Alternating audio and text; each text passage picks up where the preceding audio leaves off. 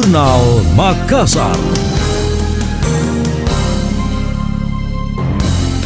Saya Emil Faris dalam Jurnal Makassar. Tim dari pemerintah Provinsi Sulawesi Selatan melakukan pemasangan papan bicara pada aset milik negara di Tanah Tumbu daerah Binanga, Barombong, Kecamatan Tamalate. Langkah tersebut merupakan upaya mengamankan aset negara. Adapun tim terpadu yang turun dalam pengamanan tersebut yakni Biro Aset Sulsel, Biro Hukum Sulsel, dan Satpol PP Sulsel. Kepala Satuan Tugas Korsubgah Wilayah 4 KPK, Niken Ariati mengatakan pihaknya mendorong Pemprov Sulsel untuk menyelamatkan aset negara, termasuk aset yang dikuasai oleh Pemprov Sulsel sehingga ke depan tidak ada potensi konflik. Menurutnya dalam pengamanan aset ada dua hal yang perlu diperhatikan. Pertama alas hak dari sisi legal formal dan penguasaan fisik. Ia pun meminta agar aset yang telah bersertifikat tidak ditelantarkan, tetapi dimanfaatkan untuk menjadi sumber pendapatan daerah PAD yang sudah sedang dalam kasus sengketa kita upayakan segala cara untuk dimenangkan. Mau itu almarkas mau hmm. beberapa uh, yang lain gitu ya aset-aset yang lain itu kita berusaha untuk uh, dengan segala upaya lah ya memang kita bertempur habis-habisan. Tapi untuk aset-aset yang baru baru dibeli kemudian yang ini kita berharap segera dilakukan proses pengamanan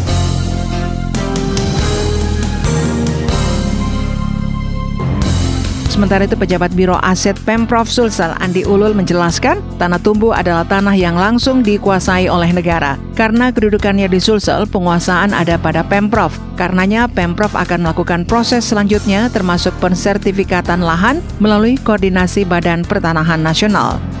Anda masih mendengarkan Jurnal Makassar dari Radio Smart FM. Dinas Sosial Sulawesi Selatan akan mengubah pola pelatihan di panti rehabilitasi untuk para anjal dan gepeng yang terjaring. Kepala Dinas Sosial Sulsel Andi Irawan Bintang mengatakan, selama ini pelatihan bagi anjal dan gepeng masih menggunakan metode lama, seperti menjahit. Untuk itu pihaknya akan menambah item pelatihan berbasis teknologi. Irawan berharap adanya penambahan keterampilan tersebut dapat menjadi bekal bagi para anjal dan gepeng ke depannya.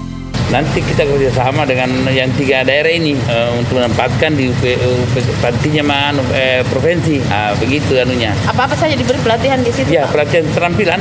I, itu juga saya anu eh, masih model dulu menjahit eh, keterampilan masih dulu ini sedang kita mau susun kembali pelatihan yang yang update yang langsung di aplikasi. Nanti kita robah.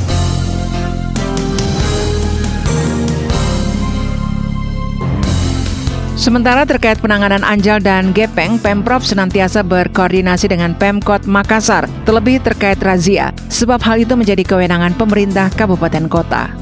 Beralih ke informasi berikutnya, perhelatan Capital Market Summit and Expo GMSE 2021 mencatatkan rekor baru.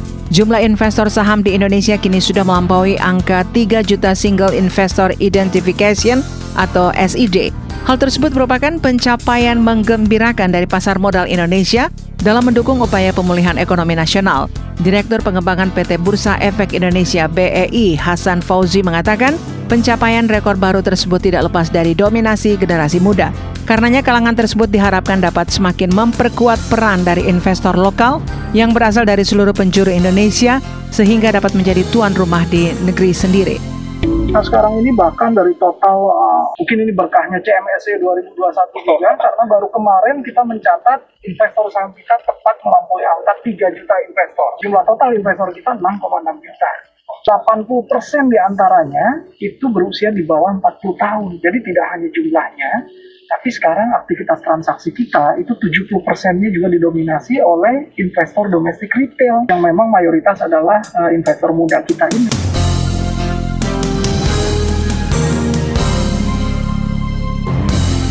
Saat ini jumlah investor pasar modal Indonesia baik saham, obligasi maupun reksadana telah mencapai 6,5 juta lebih SID.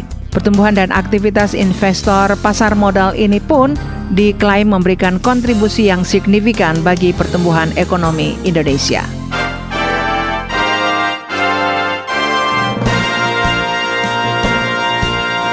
Demikian tadi, Jurnal Makassar.